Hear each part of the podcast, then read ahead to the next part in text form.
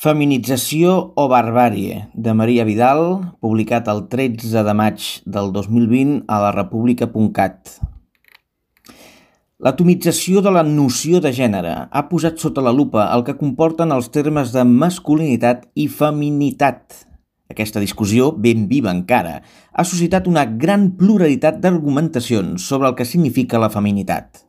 És evident, però, que els valors associats al concepte de feminitat han estat una construcció social històricament utilitzats per mantenir la dona sotmesa i enclaustrada a la llar, dedicada a la vida domèstica, a la família i a les cures, tot argumentant que està biològicament més preparada, que té els atributs naturals per fer-ho, que és més sensible, més empàtica i més tendra. Mentrestant, els homes i els seus atributs suposadament masculins han dominat la vida pública. La contundència, la violència, la inflexibilitat han construït les institucions i han donat forma a unes societats on és molt més fàcil triomfar amb l'apatia i la crueltat que amb l'empatia i la sensibilitat. Els valors atribuïts a la feminitat no han tingut lloc en l'espai públic d'aquestes societats, atribuint a les dones l'etiqueta d'una incapacitat absoluta de gestió. Així, doncs, no és d'estranyar que l'arribada de les dones a la vida pública signifiqués la fi de la gestió testosterònica.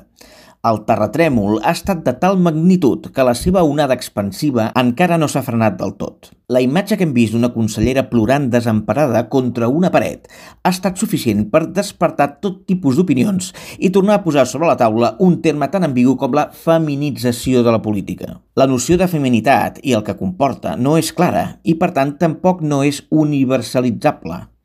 Però el terme de feminització de la política sí que és clar en el seu objectiu – eliminar la figura del gestor inflexible i aliè als sofriments dels ciutadans. Tot i això, l'empatia i la sensibilitat poden prendre moltes formes, però ens trobem que massa sovint es reivindica la feminitat en la vida pública únicament a través del plor.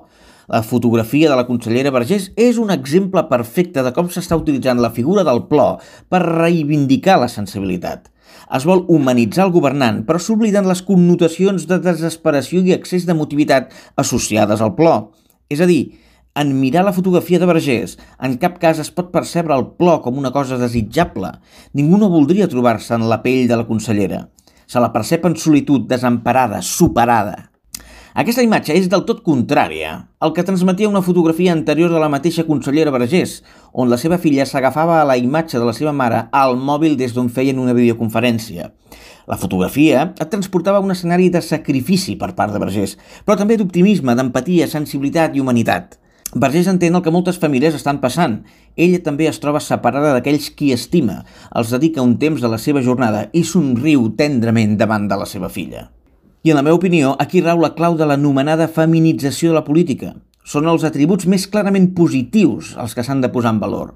És complicat justificar que el plor i la tristesa que se li associa són atributs desitjables a un governant. Ara bé, la gestió centrada en les persones, una gestió sensible, optimista, lluny del bel·licisme, aquesta és la gestió que s'ha de reivindicar.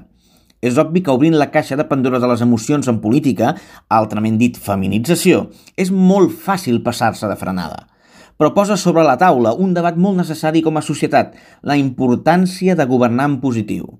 I, com a dones, utilitzarem els valors que ens van enclaustrar a casa durant segles per a reformar la societat patriarcal des del seu nucli, des de la seva vida pública, les institucions i la política.